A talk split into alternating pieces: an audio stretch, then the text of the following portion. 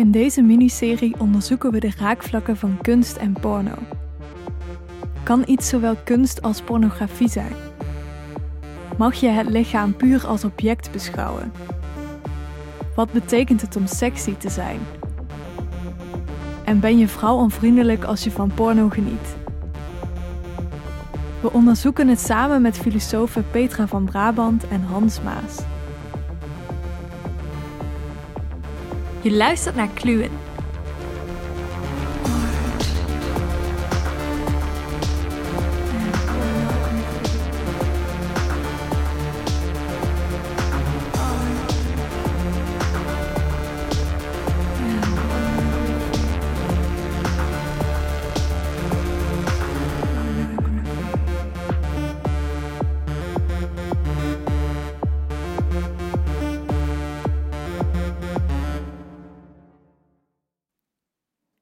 Ik bel met Petra en Hans op een koude, donkere vrijdagmiddag in januari. Samen schreven zij het boek Kunst of pornografie, een filosofische verkenning. Ook via video zie ik dat ze beiden schuifelen op een stoel om het met mij over kunst en porno te hebben. Ze schreven er samen een boek over, maar lijken nog steeds niet uitgepraat met elkaar. Tijd voor Kluwen om daar gebruik van te maken, natuurlijk.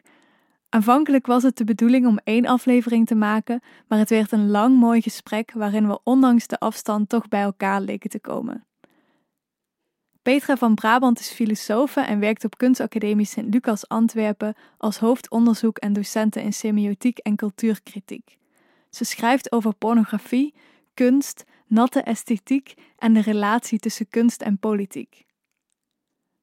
Hans Maas is directeur van het Aesthetics Research Center aan de University of Kent. Hij doseert kunstfilosofie en mediaethiek en schreef eerder de boeken Conversations on Art and Aesthetics, Pornographic Art and the Aesthetics of Pornography en het Nederlandstalige boek Wat is sexy? Allereerst een disclaimer, of misschien beter gezegd een trigger warning. We gaan het in deze serie veel over mannen en vrouwen hebben.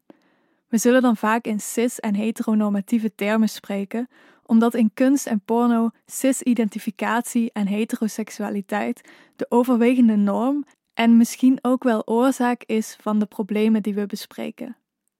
Het kan misschien niet altijd duidelijk zijn wat we bedoelen met mannen of vrouwen. Soms bedoelen we mannen of vrouwen lichamen. Soms bedoelen we ieder die zich identificeert als man of vrouw. En soms bedoelen we mensen die gesocialiseerd of opgevoed zijn als man of vrouw. We hopen dat je uit de context meestal kan opmaken waar we het over hebben. Maar luister je naar deze podcast en hoor je ons iets geks zeggen, laat het ons dan vooral weten, want wij leren ook graag van onze luisteraars. Petra en Hans onderzochten of de tegenstelling tussen kunst en pornografie wel zo groot is als op het eerste ogenblik lijkt. We begonnen in ons gesprek met die tegenstelling. Waarom zijn kunst en porno verschillend? Waarom denken we over het algemeen dat porno geen kunst is en kunst geen porno? Dan denk ik dat we moeten kijken naar hoe mensen in het algemeen aankijken tegen kunst versus pornografie. Dus uh, kunst wordt vaak gezien, of kunstwerken worden vaak gezien als culturele hoogtepunten, als iets verheffends. En pornografie, denk ik, uh, door de band genomen, zal gezien worden als, als uh, ja, moreel verderfelijk. Misschien er hangt een taboesfeer rond. Uh, ja, sommige mensen zullen het beschouwen als eerder ja, het dieptepunt van een cultuur. Daar spreken we niet over, dat moeten we in het verborgen houden. Op die manier denk ik dat bij veel mensen die twee zelden bij, met elkaar in verband worden gebracht. Kunst staat daar ergens bovenaan en pornografie, dat is eh, eerder het domein van de goot, om het zo maar te zeggen.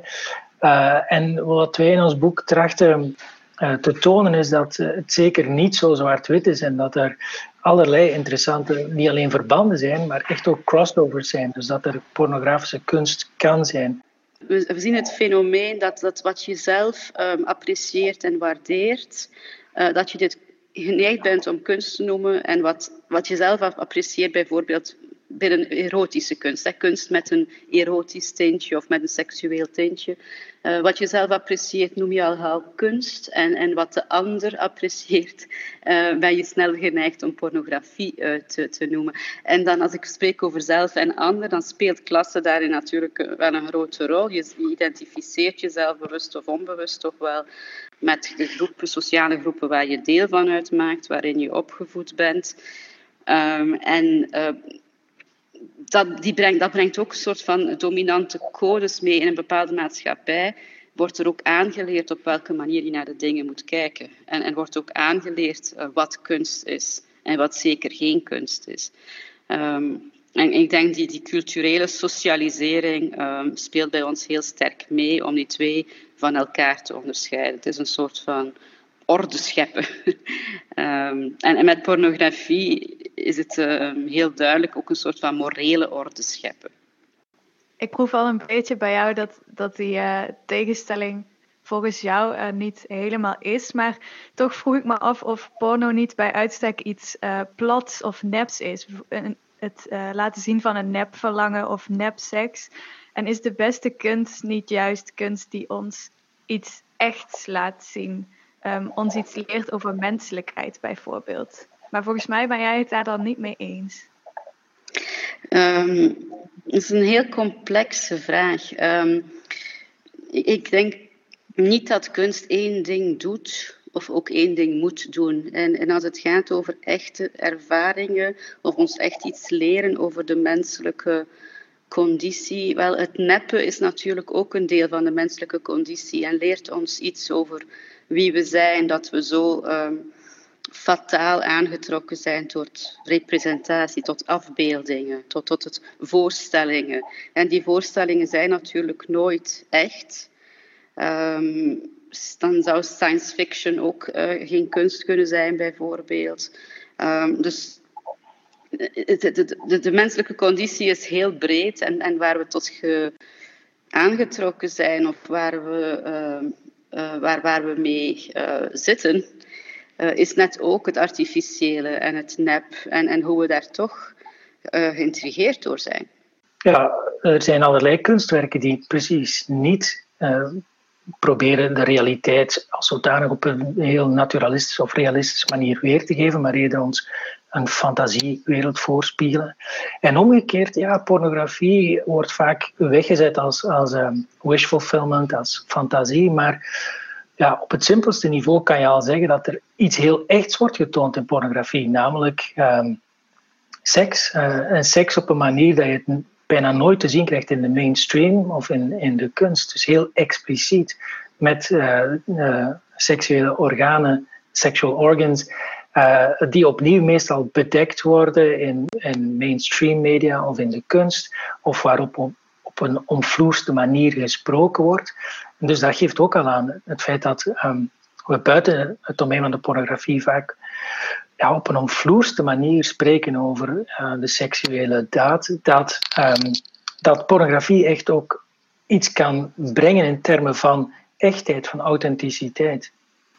Kan je misschien een voorbeeld noemen van uh, een kunstwerk of een pornografische film bijvoorbeeld, die zowel kunst als pornografie is volgens jou?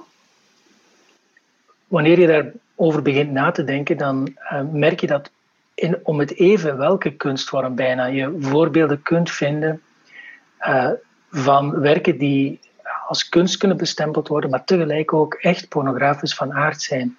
En Petra mag mij gerust aanvullen, maar bijvoorbeeld op het vlak van de film hebben we uh, de Japanse klassieker Aino Korida uh, van Nagisa Oshima, die uh, volgens mij echt een, het is een heel veelgelaagde film, heel mooi, um, heel diepgaand ook, vind ik, maar zeker in bepaalde stukken echt pornografisch van aard, ja, seksueel expliciet, ook met de expliciete bedoeling op opwinding teweeg te brengen.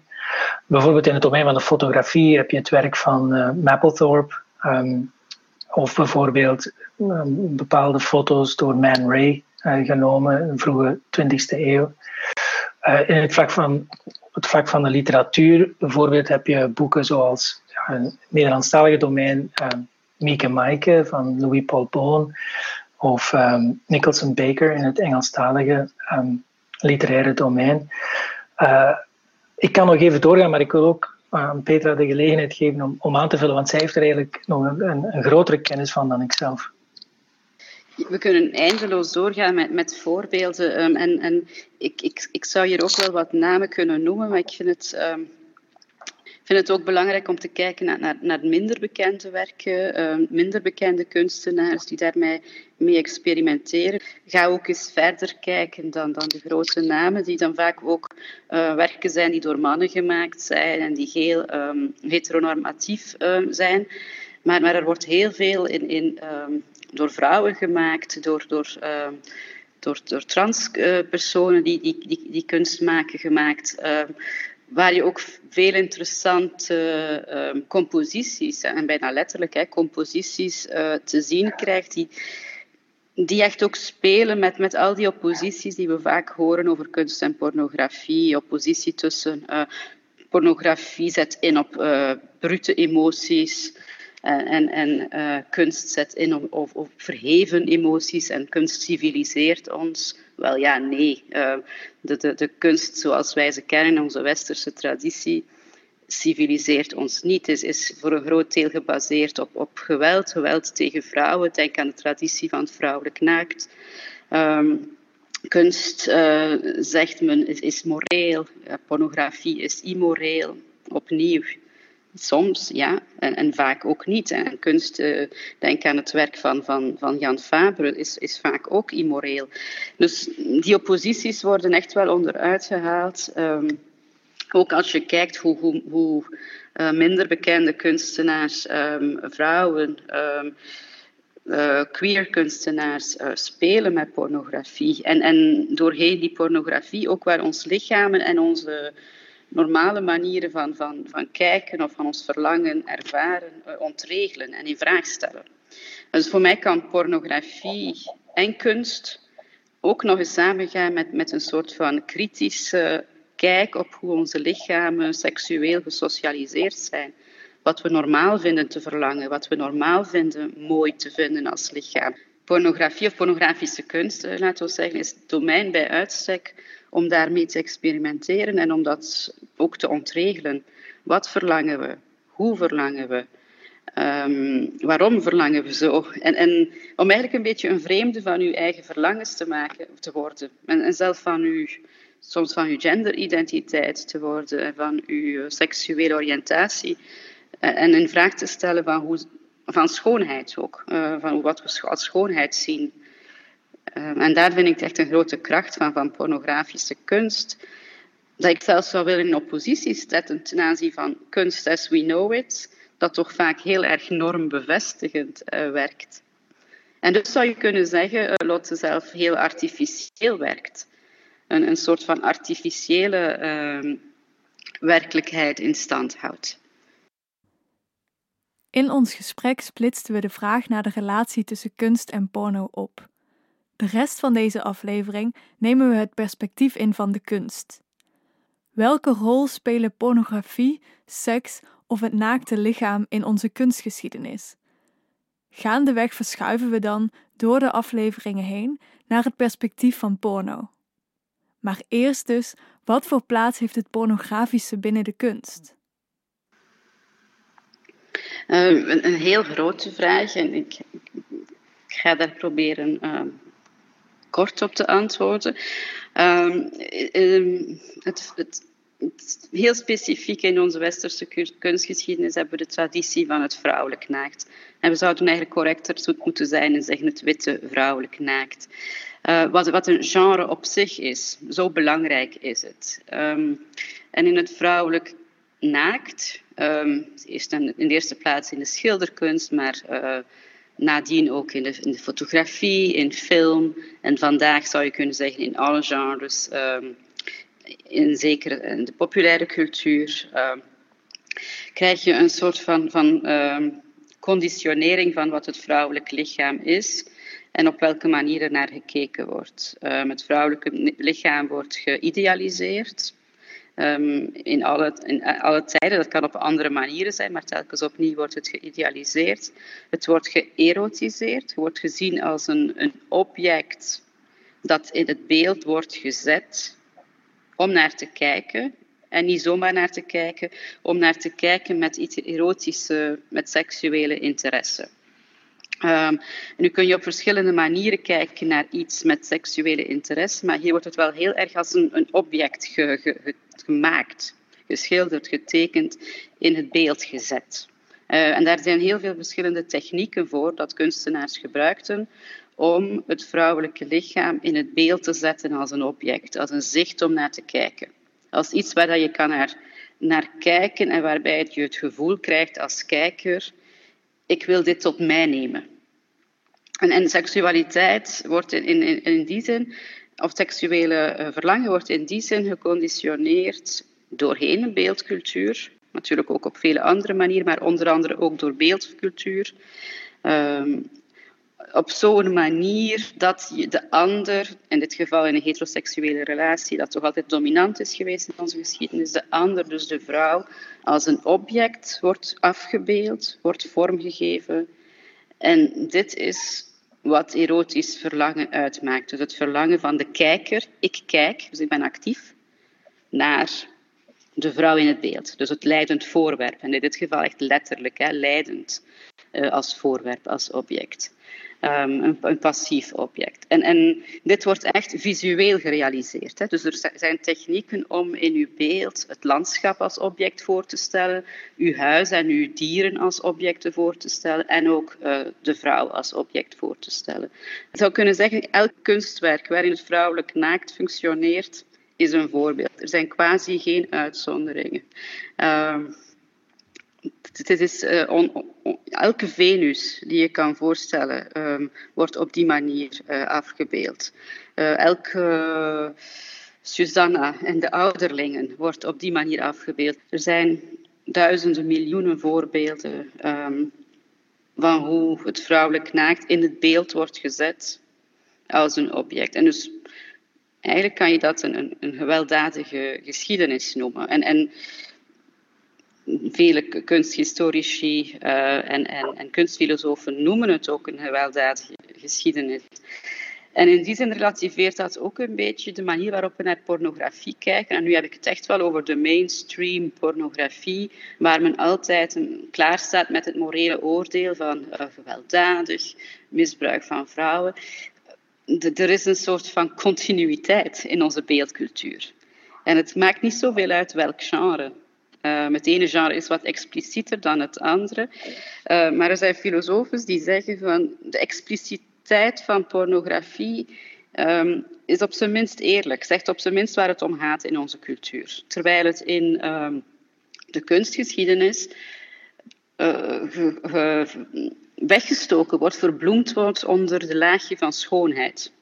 Um, dus men vernist bijna het schilderwerk op die manier dat het mooi is. En je kan niet ontkennen dat die, die werken uh, fantastisch zijn, prachtig gemaakt zijn. Dat ook vrouwen als, als, als geïdealiseerd worden, dus uh, heel mooi worden voorgesteld. Um, maar op die manier zie je soms de gewelddadigheid niet meer van die werken. Je wordt afgeleid. Uh, er wordt een soort van aura um, van schoonheid rondgehangen. Wat heel genietbaar is, niet alleen de, de vrouw in het werk is, is, genietbaar, maar ook het werk op zich is zo genietbaar. Uh, waardoor de, het geweld op afstand wordt gehouden, visueel op afstand wordt gehouden, maar ook als ervaring, als esthetische ervaring wordt op afstand gehouden. Maar er niettemin is en, en ons niettemin um, bepaalt in onze verlangens, in onze, in onze visuele attitudes. En heb je een verklaring voor waarom uh, vrouwen zo overal worden afgebeeld uh, in de kunst, of misschien zoals je zegt in onze beeldcultuur in het algemeen als uh, object en niet als subject? Ja, dat is een, is een heel moeilijke vraag en, en dat is ook een pijnlijke vraag, vind ik. Eigenlijk vragen we daar, daarmee um, aan elkaar, uh, Lotte, jij nu aan mij, van, van weet jij wat de, de reden of de oorzaak is um, van een traditie um, waarin wij, van, waarvan wij erfgenamen zijn en een traditie waarin we eigenlijk geweld aangedaan worden. En dat is een, een heel moeilijke vraag. En, en, in die zin zou ik misschien willen de vraag doorspelen naar Hans, als dat oké is voor jou. Ehm, ja, we hebben het dan over de patriarchale orde natuurlijk, die al eeuwenlang uh, eerst in onze maatschappij en bijna over de hele wereld. Ehm, om, om nog kort iets toe te voegen aan ehm, wat Petra zegt over het vrouwelijk naakt en om het, om het punt te bekrachtigen dat zij maakt, denk ik, is het interessant om even korte vergelijking te maken tussen het vrouwelijk naakt en het mannelijk naakt. Um, eerst en vooral zijn er veel minder mannelijke naakten in de geschiedenis van de kunst. Er zijn er zeker, maar die zijn minder in aantal. En ten tweede, en dat is eigenlijk het belangrijkste, het is um, opvallend hoe verschillend mannen naakt worden afgebeeld versus vrouwen. Um, ik wil hier niet te veel voorbeelden aanhalen, maar als je denkt aan sommige van de bekendste mannelijke naakten, dus bijvoorbeeld de, uh, de David van Michelangelo, als je denkt aan uh, de Denker van Rodin, uh, en je vergelijkt dat met um, het vrouwelijke naakten zoals de Venus van Urbino, van Titiaan bijvoorbeeld, of um, de, de Venus van Giorgione, dan, dan vallen toch een heel aantal verschillen op. bijvoorbeeld, de, de mannen worden vaak afgebeeld als sterk, als actief, als eh, hebbende um, een duidelijke persoonlijkheid, individualiteit, subjectiviteit, die spreekt uit die beelden. Terwijl de vrouwen, eh, wanneer ze naakt worden afgebeeld, de, verschijnen dikwijls als uh, passief, als beschikbaar, worden gereduceerd tot een lichaam, individualiteit die quasi afwezig is, uh, bijna geen, geen um, blik in, in de subjectiviteit van de afgebeelde persoon. en dat zijn toch zaken die je dan ook in rekening kunt brengen wanneer je nadenkt over de aard van het vrouwelijke naakt. Wanneer de verschillen met het mannelijke naakt zo duidelijk zijn, dan moet je je inderdaad afvragen van waarom worden vrouwen op een dergelijke manier afgebeeld. En dan kom je terecht bij objectivering, de patriarchale maatschappij, bij misogynie, bij seksisme en zo verder. Ja, natuurlijk patriarchaat als onderliggend systeem. Waar ik misschien meer op doelde is um, wie maakt kunst en wie maakt porno en wie, is, wie kijkt daarna of welke kijker verwachten we als je kijkt naar de, de kunstgeschiedenis waar wij uh, de erfgenaam van zijn, dan uh, moeten we zeggen dat zowel mannen als vrouwen kunst gemaakt hebben. Met die uh, belangrijke nuance dat in de meeste tijden ehm, het voor vrouwen moeilijker was om kunst te maken, om toegang te krijgen tot de instellingen, om toegang te krijgen in de eerste plaats ook tot onderwijs, om toegang te krijgen tot een, tot een netwerk, um, uh, een steunetwerk. Um, dus in die zin, mannen en vrouwen hebben altijd kunst gemaakt. Vrouwen zijn ook altijd kunstenaar geweest, maar met heel veel verschillende uh, kansen en mogelijkheden. En dan heb je we zijn erfgenamen niet alleen van, van uh, kunst als het, zoals het gemaakt is, van een kunst, maar van een kunstgeschiedenis die geschreven is. Um, en daar zie je toch wel dat, de geschiedenis op een heel specifieke manier geschreven is, waardoor dat heel veel dingen weggelaten zijn. Um, ik heb een voorbeeld van de theatergeschiedenis. De theatergeschiedenis uh, uit Frankrijk bijvoorbeeld, zoals die geschreven was in de 18e eeuw, uh, was, was quasi 50% vrouwelijke schrijfsters. In de 19e eeuw um, was dat gereduceerd tot 5%. Dus er is een enorme vergeten, vergetelheid in het uh, schrijven van onze geschiedenis, van onze kunstgeschiedenis. Um, waardoor we keer op keer die opnieuw moeten gaan um, heropvissen. Um, en, en, ja, de vraag is dan, hoe, komt dat? Uh, hoe komt, en dus natuurlijk, wie schrijft, vraag jij dan. Wie, wie maakt en ook wie schrijft kunstgeschiedenis wel? zij die toegang krijgen tot tot schrijven. Die toegang krijgen tot de pen, die toegang krijgen tot de, de verfkwast, die toegang krijgen tot publiceren, die toegang krijgen tot distributie, die toegang krijgen tot spreken, tot universiteiten, uh, tot instellingen en zo verder. En dan komen we weer bij hetzelfde uh, antwoord. Uh, dus wie is de kijker, vraag je. En de kijker is um, in vele gevallen en in vele tijden de koper. Degene die het economisch uh, de economische middelen heeft. het museum is niet een instelling die er altijd geweest is. Het museum zoals we nu kennen als een publieke instelling, die nog altijd niet voor iedereen toegankelijk is. Laat, ons, uh, laat ons wel wezen. Maar de, kijker is degene, is de mecenas, de kijker is de, is de koper geweest. Um, of de kijker is, wordt ook gezien als degene die de norm bepaalt, de norm van de smaak bepaalt, de norm van, van het mooie bepaalt. Uh, dus die twee spelen heel mooi op elkaar in. Hè? Je schrijft eigenlijk voor jezelf en je schildert voor jezelf, bij manier van spreken. Of je schrijft en je schildert voor je, je eigen sociale groep.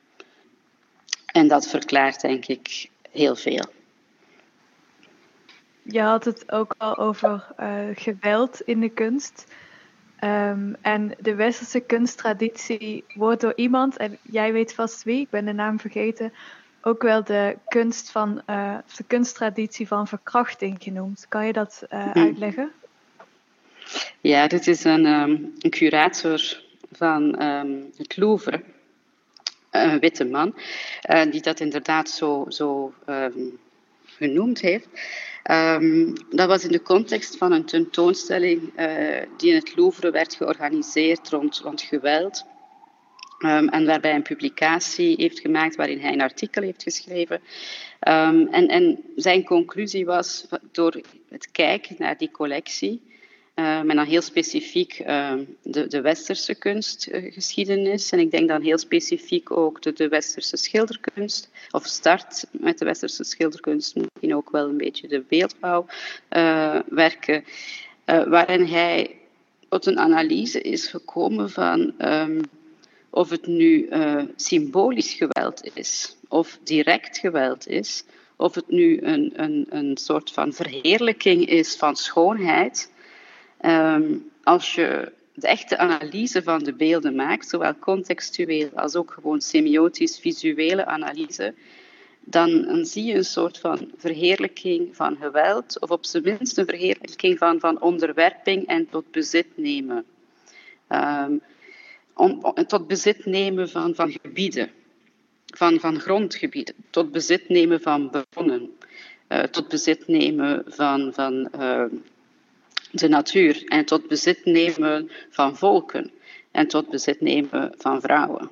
Um, en dat was voor hem een, een, een heel uh, chockerende uh, conclusie, die hij dan ook op een heel virulente, expliciete manier, met ook wel wat drama en poëzie uh, verwoord heeft, omdat het um, zo in your face is, eenmaal je de, de analyse uh, maakt en dus ook zo chockerend is, hoe, zoals hij schrijft, schoonheid het ver, vernislaag is, en dan heb ik het echt over esthetische schoonheid, de vernislaag is van geweld. en het excuus ook is vaak voor geweld.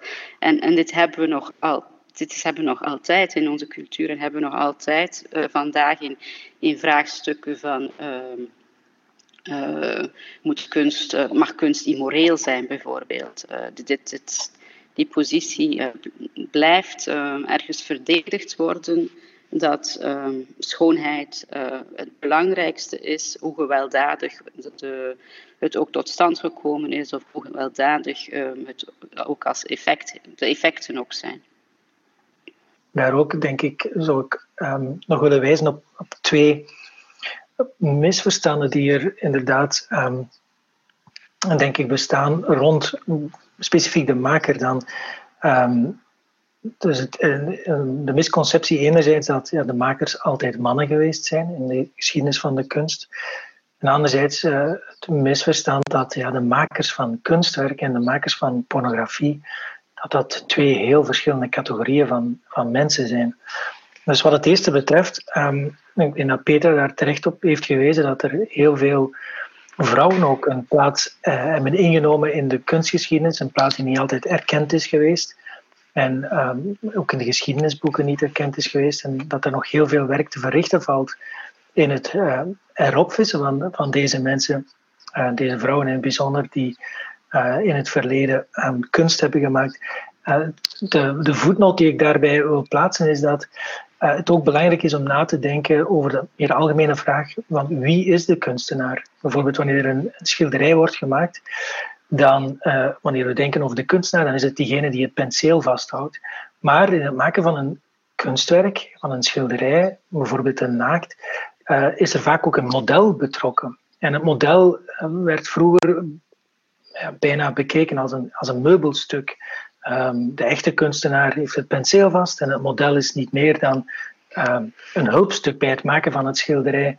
Maar ehm, ik denk dat het belangrijk is om daar opnieuw over na te denken, over die rol van het model bijvoorbeeld. Ja, model zijn vergt ook een echte vaardigheid, een creatieve input die niet onbelangrijk is. En schilders verkiezen ook duidelijk vaak dit model over vele andere modellen, precies omwille van de vaardigheden, de talenten die uh, de vrouw in kwestie of de man in kwestie bezit. En dus wanneer we um, het kunstenaarschap op die manier ook bekijken, als niet alleen um, mensen die het penseel vasthouden, maar ook andere mensen die betrokken zijn bij het maken van het kunstwerk en een creatieve input hebben gehad, dan wordt het meteen duidelijker, denk ik, dat de rol van vrouwen veel groter is dan traditioneel aangenomen.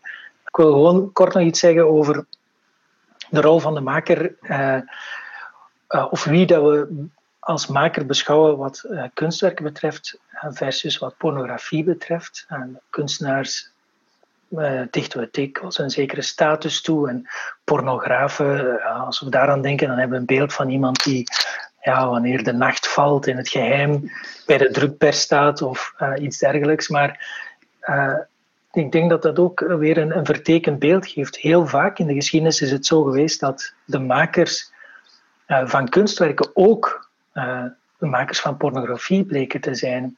En dat het voor die makers zelf niet, vaak niet duidelijk was uh, of het het een of het ander was, dat wel niet beide tegelijk. om, om, om slechts één voorbeeld te geven, dat is echt uit de traditie van de kunst dan.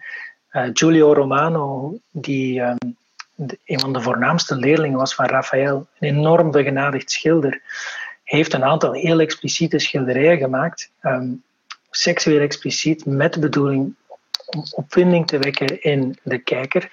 En um, ik denk als je de courante definitie van pornografie toepast, dan zouden die schilderijen als pornografie kunnen bestempeld worden. Maar het zijn tegelijk prachtige renaissance schilderijen in de stijl van Raphaël. Um, dus dezelfde maker is hier verantwoordelijk voor het maken van een kunstwerk dat we tegelijk ook als een pornografisch werk kunnen bekijken. En die specifieke kunstenaar is interessant omdat op basis van die schilderijen uh, zijn er een aantal um, uh, prints, dus uh, houtsnedes gemaakt. houtsnedes of etsen, ik weet het niet goed meer, door de bekende printmaker Marcantonio Raimondi. En die werden verspreid onder de titel Imodi, de posities, de standjes zou je kunnen zeggen. Dat was een serie van tien of twaalf van die prints, uh, gebaseerd of geïnspireerd op de schilderijen van Giulio Romano. En die hebben een enorm succes gekend. Maar wat interessant was om te zien, was dat die uh, onderhevig zijn geweest aan enorme censuur. Dus men heeft de, de maker, Raimondi hier, die ook prints maakte van kunstwerken, maar voor deze serie van prints, Imodi, uh, de standjes, heeft men hem vervolgd, in de gevangenis gesmeten. Uh, er zijn um, heksenjachten georganiseerd om al die prints te bemachtigen. Vandaar ook dat we vandaag de dag enkel nog fragmenten hebben van die, van die uh, prints. en wat het interessant maakt, dat verhaal, is dat hier heb je een voorbeeld van enerzijds ja, een schilderij van Giulio Romano dat bewaard is gebleven, dat vereerd was een kunstwerk dat niet onderhevig was aan, censuur, versus ja, prints op een goedkoper materiaal die veel wijder verspreid konden worden, die wel aan censuur onderhevig geweest zijn, waarbij de makers en de distributeurs wel vervolgd geweest zijn. En wat dat aantoont, althans volgens sommigen, is dat, en dat is niet te veronachtzamen, is dat uh, klasse een belangrijke rol speelt. Um, namelijk de schilderijen werden gezien als luxe objecten voor de hogere klasses en werden daarom niet vervolgd. Terwijl um, datgene wat verspreid kon worden onder de massa's, uh, net zoals pornografie vandaag de dag ook kan verspreid worden onder de massa's, daar uh, liet de censuur zich wel gelden. En dat is het verband tussen de maker en de kijker, zoals jij in jouw vraag suggereerde ook. Giulio Romano, zijn schilderijen, ja, was een aristocratisch publiek En daarom beschouwen mensen dat uh, toen en nu nog steeds als kunst. Terwijl die prints, die houtsneden, uh, die qua inhoud en wat er afgebeeld worden, precies hetzelfde waren. Uh, omdat ze bedoeld worden voor een breder publiek, de massa's, werden beschouwd als pornografie. En zo zie je dat um, het onderscheid tussen kunst en, en pornografie, dat we, om dat te analyseren, dat we verder moeten kijken naar gewoon de inhoud van wat er afgebeeld wordt.